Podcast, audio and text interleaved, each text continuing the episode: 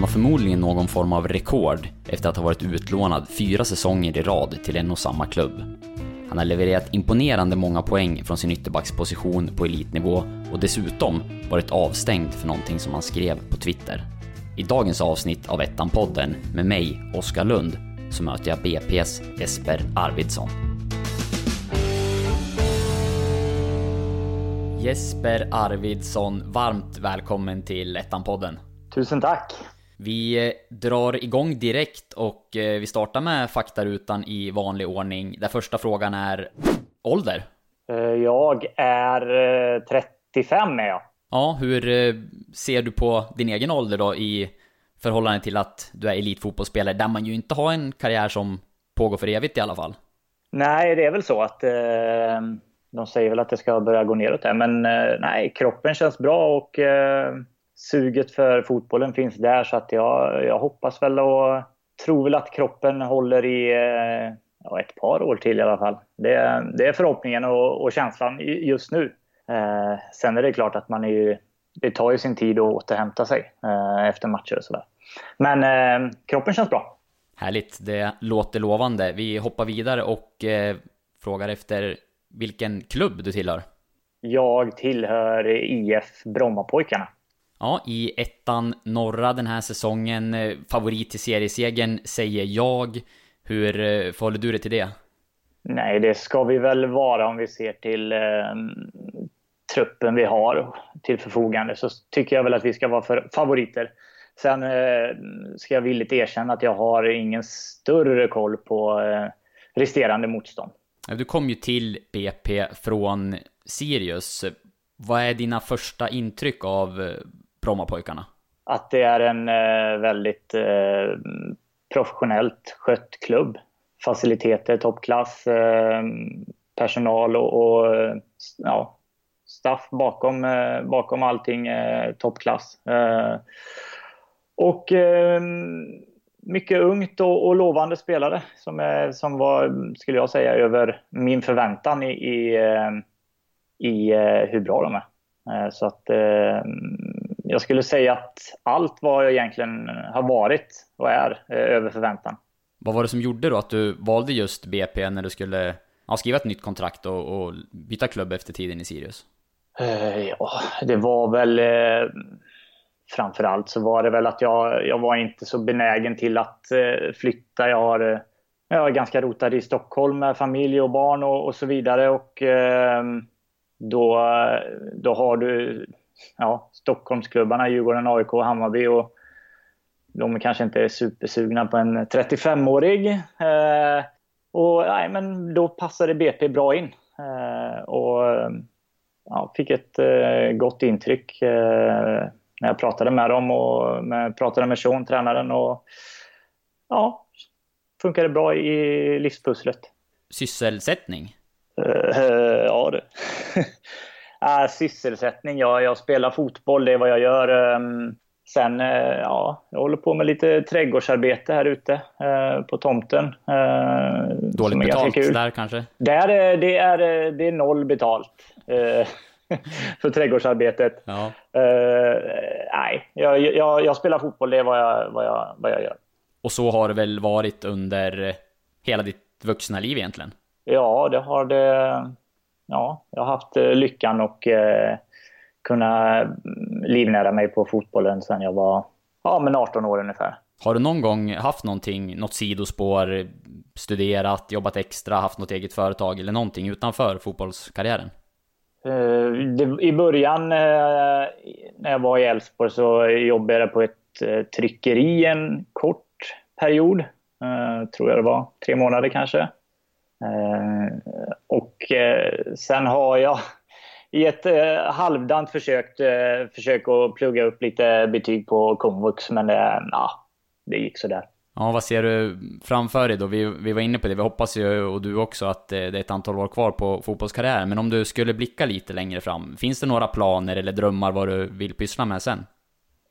Som du hörde har jag hållit på med fotboll i, i, ja, i hela mitt vuxna liv och så eh, förhoppningsvis och drömmar är väl att, att kunna göra någonting eh, inom fotbollen om det är ehm, eh, i tränarkarriär, ja, att eh, göra någonting inom fotbollen. Eh, om det är eh, tränarkarriär med ungdomar eller som assisterande någonstans eller mm, kanske mm, sitta och prata fotboll i, i någon slags media. Eh, skulle jag trivas med. Eh, sen ja, egentligen är jag ganska öppen för, för allt men, men eh, min kompetens ligger ju inom fotbollen så att eh, eh gärna någonting eh, inom fotbollen. Det är väl eh, drömmarna och förhoppningarna eh, efter, eh, efter karriär. Ser du framför dig att under sista åren på något sätt börja smyga in i det och kombinera någonting? Eller vill du verkligen spela tills du känner dig helt klar med det så att säga? Har du några tankar kring hur du vill göra där? Det, jag tror att det, det beror väl lite på hur det, hur det ser ut i BP och hur eh, situationen, eh, ja vilken serie vi spelar i och, eh, och hur de ser på mig. Och vad, de, vad det finns i Brommapojkarna är ju... Jag har ju turen där att Brommapojkarna är en stor förening med, med mycket lag och mycket man kan hjälpa till med. Så att förhoppningen är väl att kanske hitta någonting med BP och, och ja, göra någonting där. När vi går vidare i podden och kommer till nästa fråga, då är det bästa fotbollsminne vad är det så långt i din spelarkarriär? Det finns ett det finns nog ganska många. Eh, det första som kommer upp i huvudet är eh, inomhus-SM med Götene, min eh, moderklubb. Oväntat ändå. När vi blev, ja, men ja, vi blev eh, trea i inomhus-SM var en stor grej. Eh, och gick väldigt bra för mig. Ehm, sen är det självklart när vi gick upp första året med eh, Åtvidaberg. Eh, ja, sen ja, jag var med i, i när Elfsborg tog eh, SM-guld 06, men när jag spelade ju, var jag väl på plan fyra gånger tror jag. Eh, så jag kände mig inte så delaktig där. Eh, men Åtvidaberg, när vi gick upp första gången, ja även andra gången, men första gången var speciellt. Eh, sen skulle jag säga att eh, alltså min tid i, i Djurgården var väl kanske inte riktigt första året, men, men år två, år tre var på det stora hela ett fantastiskt minne. Och, ja, och sen har vi ja, bra minnen från första, första säsongen i, i Sirius 2017 när vi spelade en fantastiskt bra fotboll och, och tror tror vi låg två efter en 18-19 omgångar. Eh, sen föll vi väl ihop, men, men eh, ja, det är många sådana här skulle jag säga en så ja, det är nog SM, eller tredjeplatsen med, med Götene och eh, när vi gick upp i Allsvenskan med Åtvidaberg 2009 tror jag. Mm, de får dela på guld, guldplatsen ja. där helt enkelt och guldmedaljen. Ja. Två olika minnen såklart på, på olika sätt förstår jag. Gissar att eh, svaret på nästa fråga kanske snarare är någonting från eh, tiden i, i Allsvenskan då än i din moderklubb. Det är nämligen bästa spelaren du mött? Åh oh, herregud. Ja, det finns så många bra spelare. Ja, men då kan jag ju, jag kan ju egentligen svara dem jag har spelat med. Eh, Anders Svensson, fantastisk fotbollsspelare. Stefan Ishizaki tycker jag var otroligt bra. Det blir någon sorts mixat svar där då, spelare som du både har mött och spelat med. Ja, ja men... Eh, ja, ja men det är kreativt, det, det köper vi. Ja, fan, men det, det har funnits så många. Alltså... Eh, ja. Nej, jag, jag får återkomma om jag kommer på någon. Det, det är så många bra man har spelat emot så att... Eh, ja, nej, mm. vi kör vidare. Absolut, det gör vi. Eh, Anders Svensson nämner ju såklart en stor ikon också i Elfsborg där du, där du var och där elitkarriären eh, startade. Vad, vad var hans storhet som du ser det? Storhet? Ja, det behövs det någon närmare förklaring? Nej, men han var väl ganska komplett. Framförallt jäkligt eh, spelskicklig och eh, bra fötter och bra blick för spelet, vill jag säga. Det är väl hans eh, största styrka, styrkor. Om man tittar lite grann på, på din tid med Elfsborg så tillhörde du ju klubben länge, men eh, mm. spelade inte så mycket där, utan eh, det var någon form av rekordlång utlåning från Elfsborg till Åtvidaberg, visst var det så? Ja, det stämmer bra. Jag, jag blev utlånad i, ja, ett för varje år som gick, ett år i taget, fyra år sammanlagt tror jag var utlånad. Ja, det är helt galet egentligen. Ja, jag tror jag kom dit 2007, spelade den säsongen och så eh, förlängde jag mitt avtal ett år med Elfsborg så eh, blev utlånad ytterligare nästa år och så, ja, så pågick det då i, i fyra säsonger. Vad var skälet till det då? Jag tänker, när man förlänger så... Ja, känslan då är att klubben... Ja, de vill ju så uppenbarligen ha det, ha det kvar, men eh, ändå gjorde man bedömningen att det var utlåning som passade bäst. Vad, hur gick dialogen där med dig och Elfsborg? Jag, jag, jag, vet, jag vet faktiskt inte helt, helt varför det blev så, men jag tror att det var att eh, Stefan Andreasson som var sportchef i Elfsborg trodde mycket på mig och eh, Magnus Haglund, tränare, trodde inte lika mycket på mig. Så jag tror att det var någon eh, kombination där. Men det var aldrig någon tvekan från dig att skriva nya kontrakt även om du visste att ah, det blir nog ett års utlåning till här? Nej, utan mitt mål var väl alltid att komma tillbaks till, till Elfsborg. Det var det. Ja, men det blev ett antal säsonger i, i Åtvidaberg. Hur ser du på tiden som du hade där? Ja, otroligt bra. Eh, vi gick ju ja, vi gick ju från att vara ett... När jag kom dit så hade det väl varit ett bottenlag eh, i, i Superettan i ett x antal år. Eh, och eh, från det att jag kom så var vi med redan första året eh, ganska högt upp. Jag tror vi slutade sexa till slut, eh, men vi var med ganska länge och även andra året var vi också med uppe i toppen och, och, och tampades. Eh, och sen tredje året gick vi väl upp tror jag. Eh, så, eh, och sen var jag ju kvar både i tre, fyra, fem, till och med sex, sex år tror jag var i Åtvid Eh, totalt, eller om det var fem. Ja, nej, det var en otroligt bra tid. Eh, jag spelade, fick spela eh, konstant och eh, jag trivdes eh, otroligt bra i, i Linköping som jag bodde i och med, med klubben och med alla lagkamrater. Så det var eh, socialt var det otroligt bra. Eh, sen eh, karriärsmässigt kanske jag skulle ha, eller borde jag ha lämnat eh, något, några år tidigare. Eh, men eh, jag vet inte om det åter är lite halvt bortglömt för att jag, var ju nog ganska bra tror jag. Eller tyckte jag själv i alla fall. Så eh, det borde ha varit klubbar tidigare tycker jag som hade, skulle ha scoutat mig bättre. Var det nära någon gång att du, att du lämnade Åtvid? Innan du nu gjorde det då? Det var inför säsongen 2013 tror jag som du gick till Djurgården va?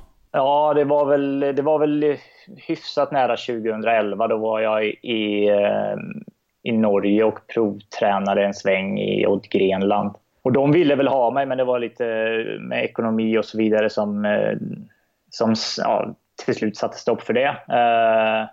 Sen, sen, vet jag helt ärligt talat inte om det, hur, hur intresset har sett ut. Det kanske har varit lite förfrågningar, men jag tror att vad jag hörde när jag kom till, när jag kom till Sirius och pratade med eh, Kim Bergstrand så sa han att eh, han ville ha mig till Brommapojkarna, men Elfsborg hade sagt, eh, sagt nej direkt. Det hade jag inte en susning om, så att, eh, jag vet inte hur det har sett ut hur relationen med Åtvidaberg då, det är ju en förening som har haft det, ja minst sagt stökigt får man säga nu på, på senare tid. Vad, hur mycket följer du Åtvid och har du någon relation med klubben idag?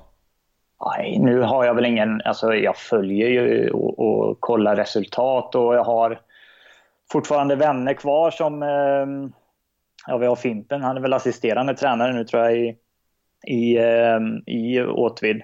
Och sen eh, vänner som bor kvar, eh, som bor i Åtvidaberg som som ehm, ja, man hörs väl inte jättemycket, men, men lite till och från. Eh, så eh, ja, alltså hjärtat är ju kvar i Åtvidaberg. Jag, jag tycker det, var, det är en otroligt fin klubb. Och, eh, men nu var det ju ett x antal år sedan jag var där och de har ju tyvärr åkt allt för långt ner i seriesystemen, tycker jag. De ska ligga högre upp. Ja, men det är inte så att du är så insatt och uppdaterad att man har koll på kanske vad som har gått fel eller vad, vad man borde göra annorlunda för att ta sig tillbaka igen? Nej, det, nej, det är jag inte. Det är absolut inte. Ehm, men jag, ja, jag skulle väl tro att eh, det som vi en gång hade var ju att vi tog folk i närområdet och kryddade med, med, med mig och någon spelare till som eh, kom utifrån med, med kvalitet som eh, och byggde en bra grupp. Det, det var ju, sen här fanns det bra spelare. Christian Bergström, han glömde jag säga. Det skulle jag säga att det är absolut en av de bästa jag spelat tillsammans med. Herregud, vilken vänsterfot. Ja, ja, ja, ja, blick för spelet. Eh, oj, sån speluppfattning så att det är mm, läskigt. Eh, ja, och vänsterfot givetvis.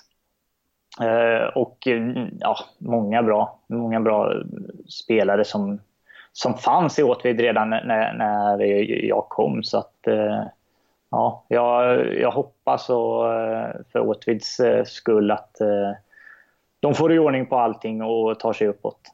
Ja, och du tog det i alla fall vidare då till slut från Åtvidaberg. Det blev Djurgården. Eh, men det var lite snack om Hammarby också va? Innan du skrev på för, för Djurgården? Ja, jo men precis det stämmer. Jag, jag pratade både med, eh, med Hammarby och Djurgården. Eh, men just då var ju Hammarby i Superettan och Djurgården var i Allsvenskan. Så till slut hade, hade Hammarby varit lite snabbare och, och tagit beslut lite snabbare så hade jag säkert eh, skrivit på för Hammarby. Men, eh, men sen eh, när Djurgården kom in bilden lite, lite efter Hammarby så var det ett ganska lätt val till slut skulle jag säga. Det var, ja, det var Djurgården i Allsvenskan och eh, även eh, en något bättre lön. Så att, eh, ja, lätt val då. Ja, en stor klubb som du kom till, men det var det var en ganska tuff start. 2013 var turbulent tid, sportsligt eh, gick det trögt för laget. Det var tränarbyte redan under din första säsong. Magnus Persson lämnade och Per-Mattias Högmo kom in. Hur upplevde du första tiden i Djurgårdströjan? Ja, som du säger, turbulent var väl eh, förnamnet bara. Det var, eh, ja, det var, det var turbulent. Det, det var det verkligen. Och vi fick ju, det var ju, herregud vilken dålig start. Jag tror vi hade två poäng efter de första eh, åtta, nio omgångarna eller något sånt där. Um, och uh, ja, det stormade väl både, både i, inom föreningen och utanför så att uh, det var väl ingen... Uh, det, var ingen det var ingen superhärlig tid, det, det, det, kan jag inte säga. Hur upplevde du det då? Du kom från Åtvidaberg där det, det är en anrik förening såklart, men det går inte att jämföra med intresset och uppståndelsen och trycket som är i Djurgården såklart. Och så hände Nej. de här grejerna och det var, det var en del supporterincidenter dessutom vet jag och det var ja, tränarbyten och så som vi är inne på och sportsligt tungt. Vad, mm. Hur kände man och hur, hur mådde du? Alltså jag tror att det, det, var liksom en kombination av allt, allting men eh, det är klart att man var ju inte van vid att eh, ens egna supportrar eh, när man slår en hörna står och skriker hur dålig man är. Eh, så det var ju något nytt. Eh, och det är klart att eh, alltså, jag tror att alla fotbollsspelare vill ju vill ju hyllas istället för att eh, hånas, om man säger så. Eh, så det är klart att man påverkas där. Och sen hade vi en i träningsmiljön ett eh, sätt som inte direkt höjde oss heller då, tyckte jag. Vi, eh, istället i, i, träning när man fokuserar kanske på om man har en övning där att man ska slå tio passningar så får man en poäng så fokuserades det mer på att man eh, eh, hur många misstag man begick. Så man räknade misstag istället för eh, lyckade ja, saker i, träning. Och, och, och, ett lag med stukat självförtroende höjs inte direkt av att veta hur, hur många misstag man gör. Eh, så jag tror det var liksom snett på alla fronter eh, just den tiden. Sen kom ju Per, per Mattias Högmo in och, och, var liksom tvärtom, var ju liksom överpositiv och, och allt var liksom frid och fröjd. Han lyfte alla, alla alla våra styrkor istället för att eh, klanka ner på dem om vi säger så. Eh, och det, det lyfter ju oss som, som, som grupp. Sen, sen att det för mig personligen är inte... Jag gick ifrån att spela till att inte spela överhuvudtaget med, med honom. Så att, eh, men som, eh, som grupp så var han ju ett jättelyft. Ja, det låter ju som den eh, psykologin passar lite bättre, inte minst i ett eh, sånt läge. Ja. Nej, och det blev ju bättre ska vi säga. Du nämnde själv Per-Mattias Högmo kom in. Sen kom även Pelle Olsson in som tränare 2014 och inte minst 2015 gjorde du personligen ett eh, riktigt bra år. Jag ska ta fram siffrorna här eh, framför mig så att vi får dem rätt. Eh, 26 matcher, 4 mål och eh, 2 assist 2015 för Djurgården. Vad minns du av den säsongen? Nej, som du, som du säger så var för mig var det ett jättebra år. Sen kanske inte siffrorna. Siffrorna har ju varit, haft betydligt bättre både, tror både innan och efter, efter just med mål och assist. Men, men eh, spelmässigt eh, på alla fronter fungerade det för mig. Eh, varför? Det kan jag egentligen inte svara på. Men jag, jag är väl en sån spelare som eh, trivs när jag får eh, förtroende och, och, det kände jag väl att jag Eh, hade redan 2014. Tyckte jag var att det var ganska, jag, jag tycker jag är nöjd med mitt 2014 också. Även om 2015 kanske stack ut ännu mer och jag fick mer upp, eh, uppmärksamhet och mer publicitet på grund av någon, någon brytning och eh, ja, som du sa, ett par mål också. Det, var väl, det, det är väl egentligen det enda som man liksom grämer sig över tiden där. Det var ju att eh, derbysegrarna lös med sin frånvaro. Eh, annars så, så, tycker jag att vi hade ett bra lag och ja, eh, tyvärr försvann väl eh, Nyasha där, Musekvi. Eh, han spelar väl inte, eller spelar han klart hela säsongen? Fan, nu, står, nu, håller jag på att glömma här. Ja, men, eh, men ja, vi, vi kanske skulle ha kommit även något snäpp högre upp i tabellen också. Men, men eh, nej, för mig personligen ett bra år. Mm. Och eh, kan det ha blivit en sjätte plats tror jag, eh, den där säsongen. Men det var ganska tajt där i tabelltoppen. Eh, tre poäng bakom Malmö och fyra upp till Elfsborg tror jag. Du blev inte kvar efter det här året. Nej, nej, precis. Varför, eh, varför blev det så? Uh, ja, uh, jag vet. Ja, ja, ja, det finns väl många faktorer där, men uh, jag vet att Bosse kom till mig på i början av juni skulle jag tro och sa att de ville förlänga och jag var positiv till att förlänga mitt avtal eh, sen drog det väl lite ut på tiden med, med att få ett avtal och fick ett avtal som eh, Ja, för mig, jag tror att det var sämre än det jag hade i dagsläget. Och, och då kände jag att jag hade gjort en eh, väldigt bra säsong och eh, ja, tyckte att jag förtjänade lite mer. Och, ja, en lång, lång eh, förhandlingshistoria blev det väl till slut. Men till slut så kom väl... Då tyckte Djurgården att nej, då, eh, nej, då är det bättre att du går någon annanstans. Eh, eller ja, till slut var det väl att de inte ville förlänga. Och det var en liten halv soppa där, skulle jag säga. Och så här i efterhand så, så ja, ångrar jag ju vad, hur, det, hur det blev alltihop. Eh, jag hade ju gärna stannat kvar i, i, i Djurgården. Jag trivdes eh, otroligt bra. Eh, så ja, det är väl något som så här, surt i efterhand. Ny säsong av Robinson på TV4 Play. Hetta, storm, hunger. Det har hela tiden varit en kamp. Nu är det blod och tårar. Vad fan händer just nu? Det. detta är inte okej. Okay. Robinson 2024, nu fucking kör vi! Streama, söndag, på TV4 Play. Ett poddtips från Podplay. I podden Något Kaiko garanterar östgötarna Brutti och jag, Davva, dig en stor dos skratt. Där följer jag pladask för köttätandet igen. Man är lite som en jävla vampyr. Man har fått lite blodsmak och då måste man ha mer. Udda spaningar, fängslande anekdoter och en och annan arg rant. Jag måste ha mitt kaffe på morgonen för annars är jag ingen trevlig människa. Då är du ingen trevlig människa, punkt. Något kajko, hör du på podplay. Därför är gardinerna. Du, du gick vidare och eh, hamnade i Norge och vi, den klubben ska vi alldeles strax eh, prata lite mer om. Men eh, först ska vi stanna till vid ett eh, segment som vi kallar för Fem snabba kan vara lite olika saker, det kan vara namn, personer och i ditt fall så är det klubbar helt enkelt. Så jag vill höra det första du tänker på när du hör respektive klubbnamn. Okej. Okay. Är du redo? Yes. Elfsborg. Uh, ja, konstgräs. Åtvidaberg. Gemenskap. Djurgården. Fantastiskt. Vålerenga. Norge. Och Sirius. Kim och Tolle.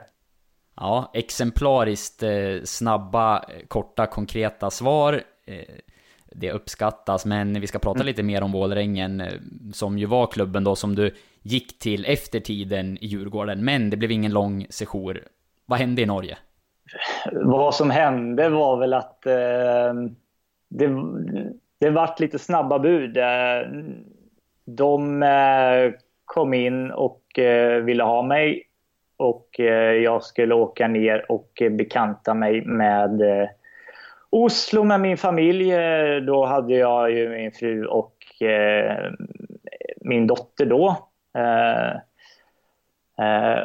Men just när vi skulle åka ner så fick de något förhinder så att eh, vi kunde inte åka ner. Och, Sen gick tiden och så ringde min agent eh, en vardag när jag precis skulle hämta min dotter på förskolan tror jag och sa att eh, kan du åka ner i, idag? Eh, vi går och flyger om två timmar eller något liknande. Ja, så jag fick ju liksom ja, köra, köra dottern till, till min fru och sen sätta mig i bilen och åka till Arlanda. Och i bilen till Arlanda så säger min agent du, jag tror att de vill att du skriver på när du kommer dit. Jaha, sa jag. Ja. Eh, så jag kom dit och gjorde läkarundersökning och eh, någonstans så skrev jag på det där kontraktet och jag hade väl inte riktigt riktigt förankrat allt på hemmaplan. Okej, okay. låter lite stökigt. Det, det, blev lite stökigt sådär. Eh, men ehm, Alltså det var, jag vet inte.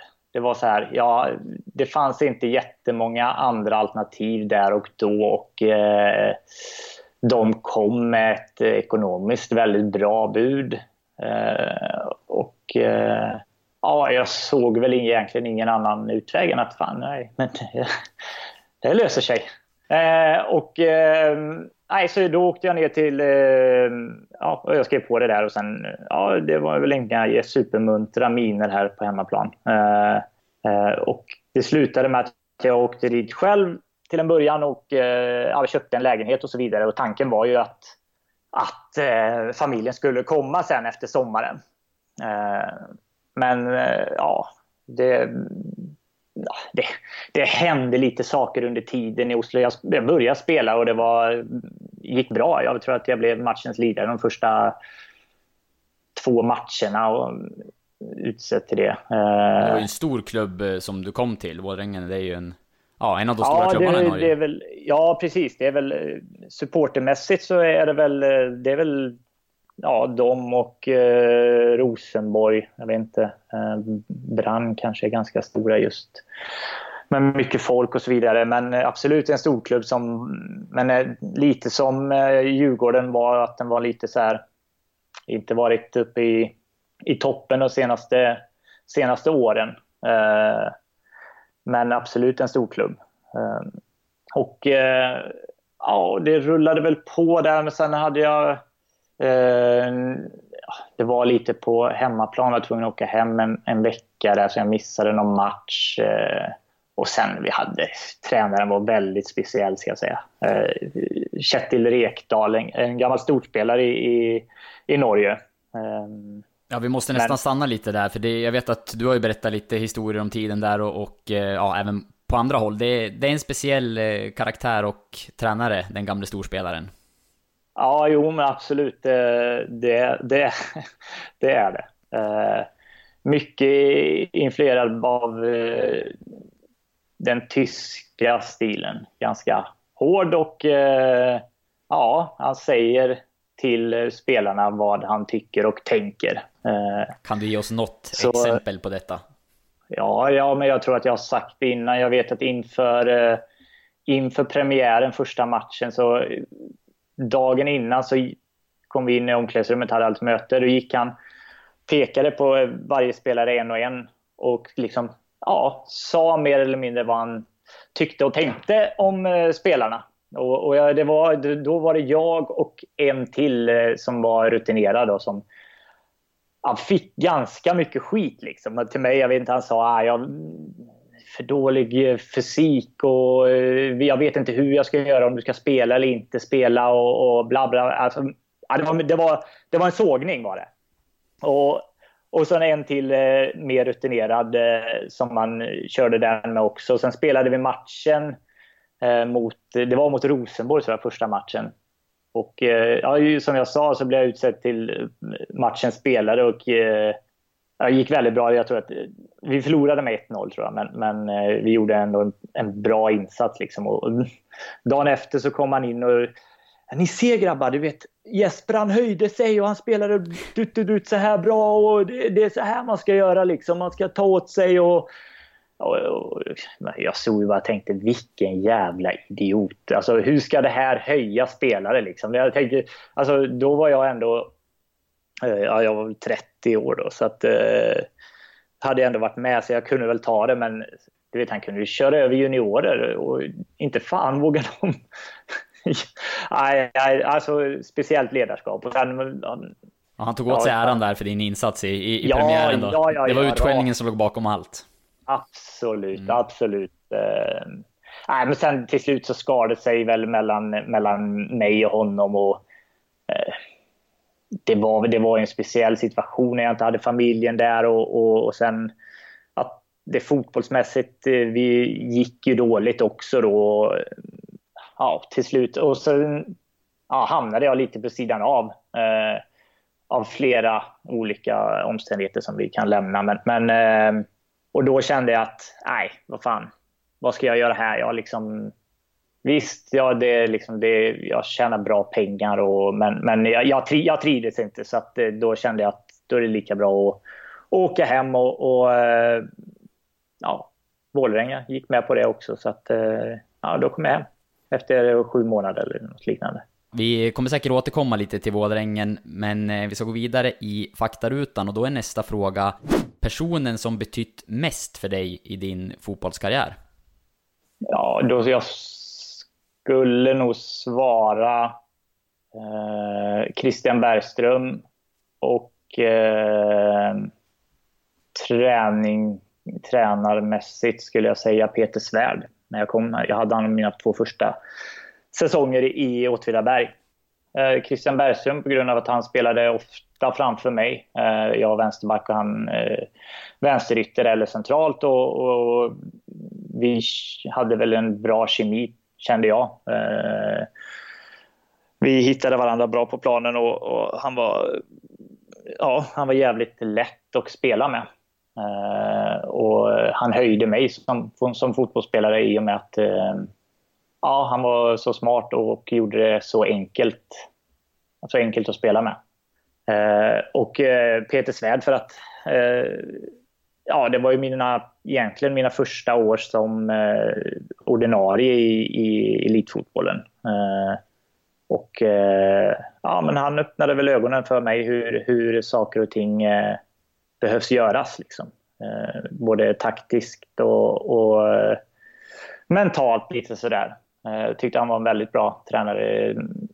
Sen har det, det gick lite utför för honom efter det. Men, men eh, ja, han betyder mycket då. Det, det, utan att kunna liksom, specifiera vad, vad som, som, som han gjorde som betyder mycket. Mm, bra namn där. Av någon anledning så när man hör, eller när jag hör Christian Bergströms namn så blir man glad. Ja, jag håller med. En eh, härlig fotbollsspelare. Eh, det kan nog bli att man youtubar lite grann efter det här samtalet och tar fram några höjdpunkter för hans karriär. Han spelar ju tills han var 40. Eh, han är väl äldsta målskytten i Allsvenskan tror jag. Du har något att jaga då med andra ord? Ja, jo men absolut. Ska bara ta oss upp till Allsvenskan igen. Ja men BP är ju ett eh, klassiskt eh, jojo-lag, inte minst de senaste åren så att det har ju, det har ju hänt förr. Ettan till Allsvenskan på bara någon säsong, så det, det är väl dags igen kanske. Absolut. Ska bara hålla ut i sju år till då. Han var väl typ 41 eller 42 tror jag ja. när han gjorde mål. Det har du i dig. Ja, ja absolut. Du, vi går vidare på nästa fråga. Du har redan gett oss några exempel, men det finns säkert eh, fler i det här arkivet. En märklig händelse du varit med om under din fotbollskarriär? Du har ju ett gäng att välja på, eller hur? Ja, jo, men det är svårt att plocka ut... Eh, ja, alltså märkligt. Då kan vi ju komma tillbaks till Kjetil Rekdal. Varför inte? Vi var på träningsläger i Marbella och eh, jag vet inte hur stor koll du har, men han är en gambler. Okej. Okay. Käre Kjetil Rekdal. Så äh, ja, jag tror att äh, vi var väl i, i Marbella i tio dagar. Jag tror att åtta, nio av de dagarna tvingade han med vår lagkapten till kasinot. Och de tvingade honom kvar till typ fyra på natten och sen ja, skulle vi träna på morgonen vid, vid nio. Han ville ha sällskap då helt enkelt? Han skulle ha sällskap, ja. ja. Så lagkaptenen fick, fick följa med till kasinot. Så. Och det var bara att lyda, det, det var inga alternativ där? Nej, det var egentligen inga alternativ. Nej. Ja, jag har faktiskt, eh, jag vet att du har pratat i en eh, tidigare podd, jag tror att det var efter 60 minuter kanske med, med Mårten Bergman. Där nämnde du ytterligare mm. en grej om just eh, lagkapten och eh, Rekdal. För han ja, valde just. nämligen att, att mer eller mindre kicka honom på stående ja, fot tror jag. Ja, det, ja exakt. Det, det, stämmer. Ska jag dra den? Du, kan, du kan få dra den. Det, lyssnarna är säkert nyfikna. Uh, nej, men det var väl, vi gick som sagt uh, dåligt och uh, fanns väl inget större förtroende inom gruppen för, för tränaren. Så att jag tror att ja, lagkapten och de än mer rutinerade spelarna, det var väl, då var det, vad heter det? Oh, vad heter den gamla Göteborgs mittbacken? Um, nej, ja, Väle, Väle. Kjetil Väle ja, kanske? Kjetil, ja. ja, ja, ja, ja, precis. Ja, men i alla fall, de tror jag då pratade med eh, styrelsen om eh, detta. Eh, att nej, men alltså förtroendet är, är slut för, eh, för tränaren. Liksom. Men då har de ju i, eh, i Vålerenga en stark man. Eh, ja, nu ska jag komma på han. Kan det vara typ så här Tröms Fredriksen eller någonting. Han pumpar in mycket pengar i alla fall eh, i Vålerenga. Eh, och det är egentligen han som tar beslut om, om det. Eh, så till slut så fick de väl eh, tag i, i, i han då. Eh, Väler och eh, om det var lagkapten, jag vet inte vem det var som pratade. Varpå han säger att nej, nej, nej. Alltså, han, han hade en god relation med Kjetil Rekdal. Så eh, de, eh, de sa väl att mer eller mindre att nej, ni, ni kan inte, ni kan liksom inte avsätta tränaren. Det är inte, det är inte på ert bord. Liksom. Eh, nej, det var väl ingenting med det. Liksom. Det gick ett par veckor. Och eh, sen kallade han in, eh, kallade tränaren in eh, våran lagkapten eh, efter en träning och eh, ja, mer eller mindre frågade liksom hur, eh, om, om spelargruppen hade förtroende för honom. Varpå han säger eh, nej. Eh, och sen frågar då Kjetil Rekdal, eh, vår lagkapten, om han har förtroende för honom. Varpå han också säger nej på den frågan. och då säger han att då kan du packa ihop dina grejer och eh, lämna. Ja. Och detta var in, Nej, det var, sa jag efter, en träning. Detta var innan en träning. Så när vi eh, är i omklädningsrummet så, så packar han ihop sina grejer och är på väg att, att gå. Och han säger liksom att, nej men, ja, coach, han sa, han sa att jag kunde packa ihop. och det här var ju er kapten och en viktig spelare då såklart. Ja, detta var vår kapten eh, Christian Grindheim som varit eh, utlandsproffs i Holland och så vidare och gjort landskamper för, för Norge. Så att det var ju en, eh, en rutinerad pjäs. Eh, och viktig spelare, absolut. Eh, och vi, då skulle vi ha match på söndagen och detta var kanske på en fredag eller något liknande. Eh, och sen fick väl media nys om detta och eh, Ja, och han, jag tror inte... Eh, ja, Kjetil Rekdal hade nog inte befogenhet att sparka ut en spelare så där heller. Så att, eh, han fick ju då säga nej, att han vilar under söndagens match här. Liksom, och, och så att jag tror att eh, han satt på ett ganska bra kontrakt och eh, jag tror inte Vålerenga hade... Liksom, ja, det, det hade kostat att köpa ut lagkaptenen. Så att, eh, nej, han fick väl sen då pudla och eh, ta tillbaka vår lagkapten. Ja, speciell situation alltså när han kommer tillbaka till, till träningsanläggningen. Ja, ja, det, ja det, jag vet inte. Han var borta i ett par dagar i alla fall innan han kom tillbaka. Så att, eh, det, var, det, var, det var en speciell tid i Norge på alla sätt och vis. Ja, du hann uppleva mycket där på, på kort tid. En annan händelse som, som är udda i alla fall, eh, jag vet inte om det har hänt fler, men du har ju faktiskt blivit avstängd för eh, en tweet. Det är inte ja. alla som har blivit. Nej, jag tror väl att jag var den första i alla fall. Ja, hur ser du tillbaka på det? Det var, det var lite domarkritik under en match då du själv inte spelade med, med Sirius. Ja, precis. Uh, nej, jag vet inte. Hur ser jag tillbaka på det? det um, ja, det var en match mot, jag tror vi mötte Elfsborg på hemmaplan. Uh, och uh, ja, jag tyckte vi skulle ha en klar straff och jag tror att jag skrev något i stil med Eh, klart som fan inte Stolpskottet blåser ny, nu, eh, sopa eller något liknande. Blindstyre tror jag till och med. Blindstyre, så, så kan det ha varit. Ja, ja, ja exakt. Eh, och eh, ja, det var väl inte mer med det, men sen så vet jag att ehm, eh, klubbledningen kom till mig och sa att eh, de hade hört av sig att, eh, ja, att de skulle markera att det var liksom inte okej. Okay. Eh, vilket de gjorde liksom. Eh, eh, och efter det trodde jag väl att det var utagerat. Men eh, sen kom det någon anmälan också från, ja, från förbundet tror jag. Eh, det var någon nisse där som, som anmälde det. Eh, ja, och eh, ja, till slut så blev jag avstängd i två matcher. Men jag yrkade ju för att jag inte skulle bli det i och med att jag skrev varken ut namn eller match eller något liknande. Men, men ja, det, själva avstängningen blev väl okej okay sen för att jag blev avstängd i en träningsmatch. Eller i två träningsmatcher egentligen. Och den ena träningsmatchen var skadad så att jag hade inte kunnat delta ändå. Så att, eh, eh men eh, ja, det var ju speciellt.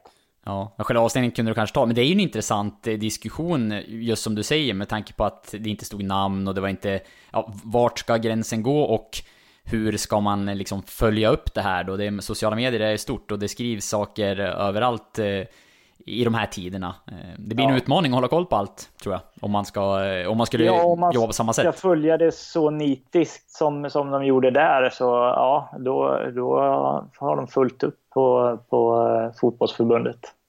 Hör du, vi går vidare och jag är nyfiken på när du mådde som allra bäst.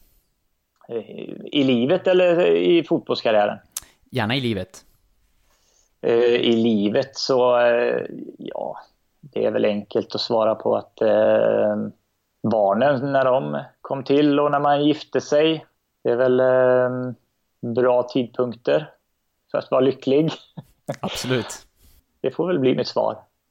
Har, har något av det här sammanfallit med någonting annat som har gjort att ja, men det var extra bra år i, i eller period i, i mitt liv? Uh, ja, alltså min dotter föddes 2014.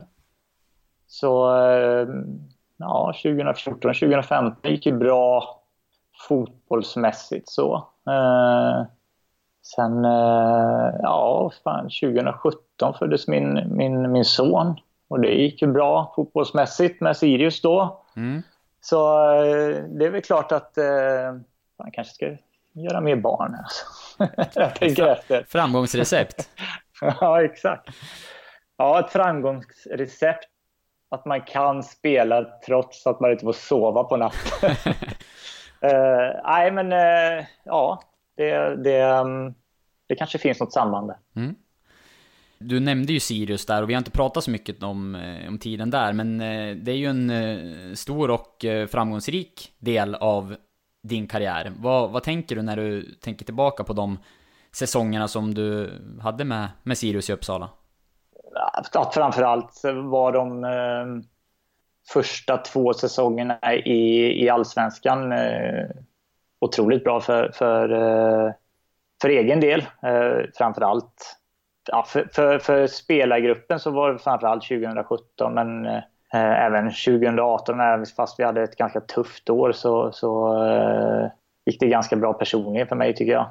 Um, 2017 då gör du alltså sju mål som eh, ytterback i Allsvenskan. Ja, det, är, det är rätt extrema siffror. Ja, men det var ja, exakt. Det var, det var ett väldigt bra. Jag, jag fan om inte jag vann skytteligan i vårt lag då, tror jag. Eller kanske Filip Haglund gjorde fler. Ja, jag vet inte. I alla fall högt uppe. Mm. Eh, ja, precis. Och, och, då var det egentligen bara två straffar det året tror jag. Året efter gjorde jag väl fyra mål och det var fyra straffar tror jag.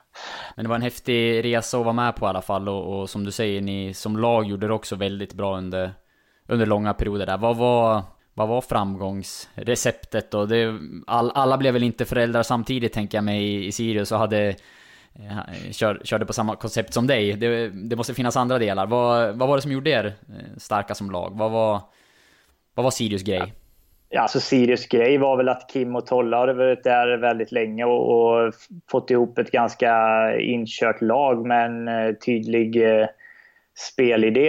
Eh, och, eh, och sen är det klart att vi hade ett par spetsspelare, i, kanske framförallt Kingsley Sarfo, eh, Eh, som ja, han, var, han såldes väl på sommaren där. Eh, och det var väl efter det som allt sket sig mer eller mindre för oss. Så att eh, eh, vi hade en bra spelidé som var vägvinnande och vi spelade fin fotboll och jag tror att vi överraskade många lag. Eh, eh så jag skulle väl säga att det är väl klart att det är eh, till största delen Kim och Tolles förtjänst att, att vi spelade så bra. Ja, och de gick ju sedan vidare till Djurgården, väldigt eh, lyckosamma där och, och vann SM-guld 2019. För din del blev inte lika kul. Hur var fjolåret i Sirius?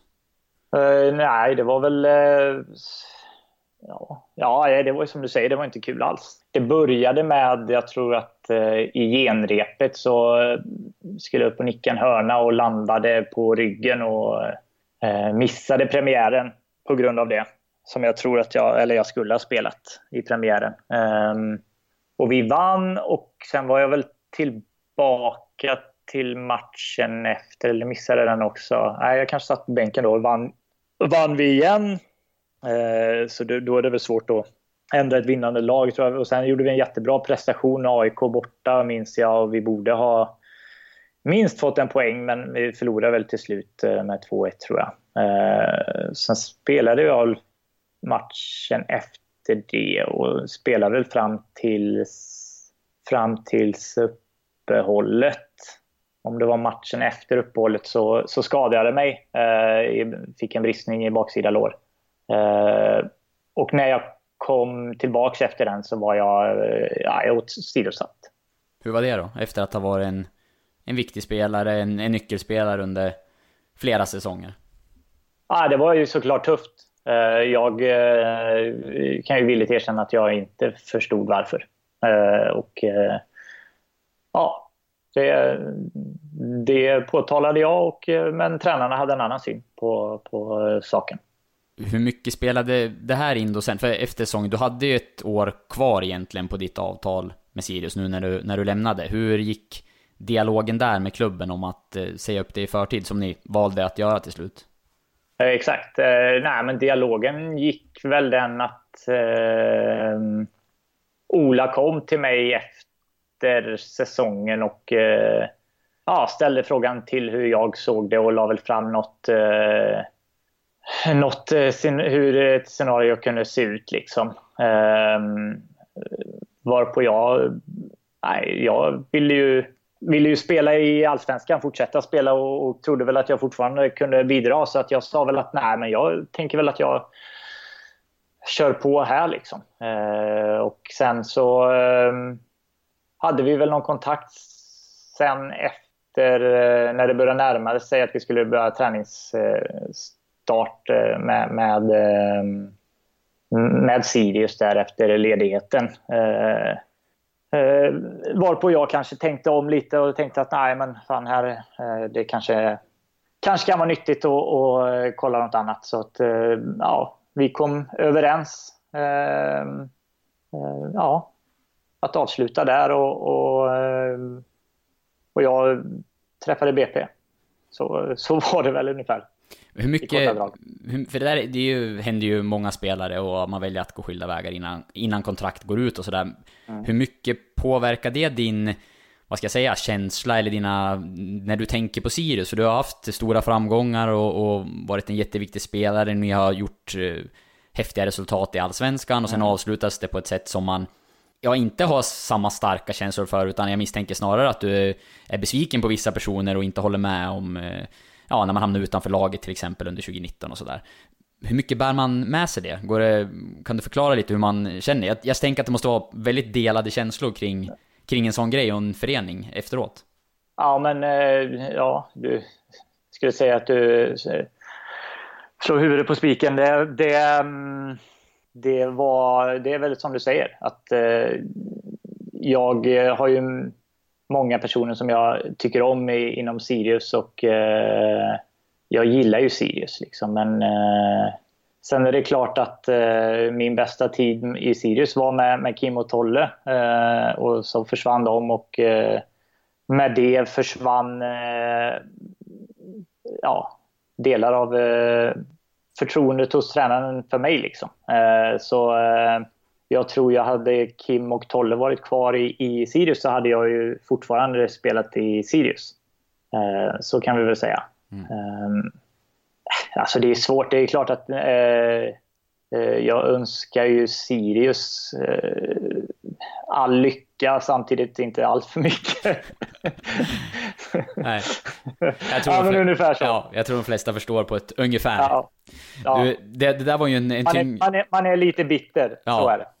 Det är en, eh, det är ju mänskligt att känna så. Vi, eh, nu har vi pratat om en tung period, jag vet inte om det är där vi landar på, på nästa fråga som är den näst sista i, i, i podden innan vi är klara för idag. Det är när du mådde som sämst. Ja, och det var väl en alltså det är klart att jag... Eh, när Per-Mattias Högmo kom in i Djurgården så, så hade jag en tung period och spelade ingenting heller. Eh, och sen är det, ja, det är väl den perioden då också som, som eh, eh fotbollsmässigt inte eh, var, var bra liksom. Eh, sen är det klart att när jag var i Elfsborg så, så eh, hade man ju hoppats att få spela mer. Eh, men, eh, men då var man ändå ung så att eh, så här i efterhand kan jag väl någonstans eh, se att det fanns någon slags logik i det. Men, men ja, den, den tiden och ja, halva 2013 var, var tuff. Absolut.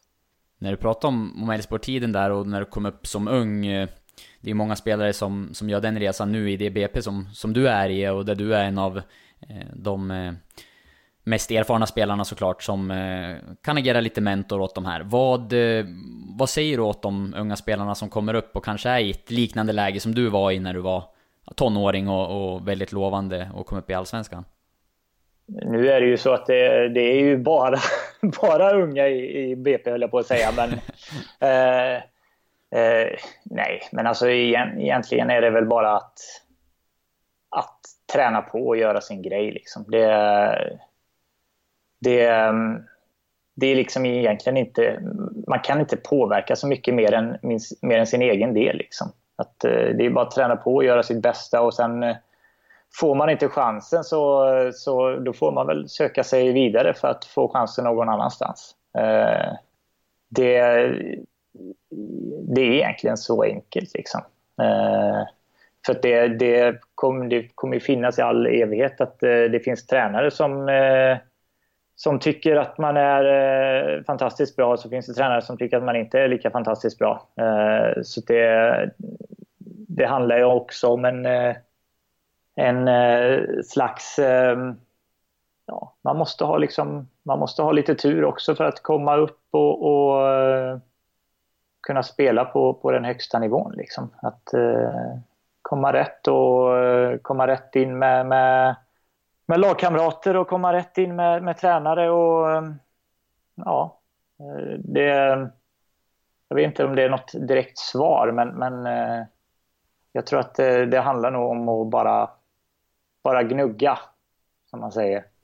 Eh, bara köra på. Jag tror att jag fattade ganska sent allt som har med eh, fysträning och, och eh, noggrannheten i, i att sova rätt och äta rätt och sådär. Jag tror att det är många, som, många unga som kan eh, falla på det. Liksom. Eh, sen så vet vi ju nu att det kommer ju, jag tycker att fler och fler är liksom eh, superseriösa med, med sin fotboll. Eh, då går väl liksom ja, vad heter det, Gudetti och eh, Ludvig Augustinsson och sådana i, i spetsen. Liksom. Eh, Ja, det finns lite BP-kopplingar där med. Ja, exakt, exakt. Eh, så att jag tror att BP-grabbarna har många att se upp till. Liksom. Så att, ja, det är, det är bara att försöka pusha, pusha och säga att tiden kommer.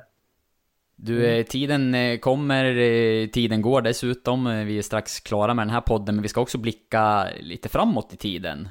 Avsluta med att eh, försöka se in lite grann i, i framtiden. För jag undrar, var ser du dig själv om fem år? Då är jag 40. Ja, vad sa vi innan här att jag skulle spela va? Ja, det var väl 40, 41 till och med, eller? Ja, exakt, exakt. Eh, det är väldigt svårt att se om faktiskt, om jag ska vara helt ärlig. Men, men eh, om vi säger att jag eh, ser mig själv vara inom fotbollen på ett eller annat sätt så har jag inte sagt varken för lite eller för mycket. Det låter bra. Jesper, stort tack för att du ställde upp och var med i Ettan-podden och ett stort lycka till resten av säsongen. Tusen tack, tusen tack! Du har lyssnat på en podcast från Expressen. Ansvarig utgivare är Klas Granström. Ny säsong av Robinson på TV4 Play. Hetta, storm, hunger. Det har hela tiden varit en kamp. Nu är det blod och tårar. Fan händer just det. Det är detta inte okej. Okay. Robinson 2024, nu fucking kör vi! Streama söndag på TV4 Play.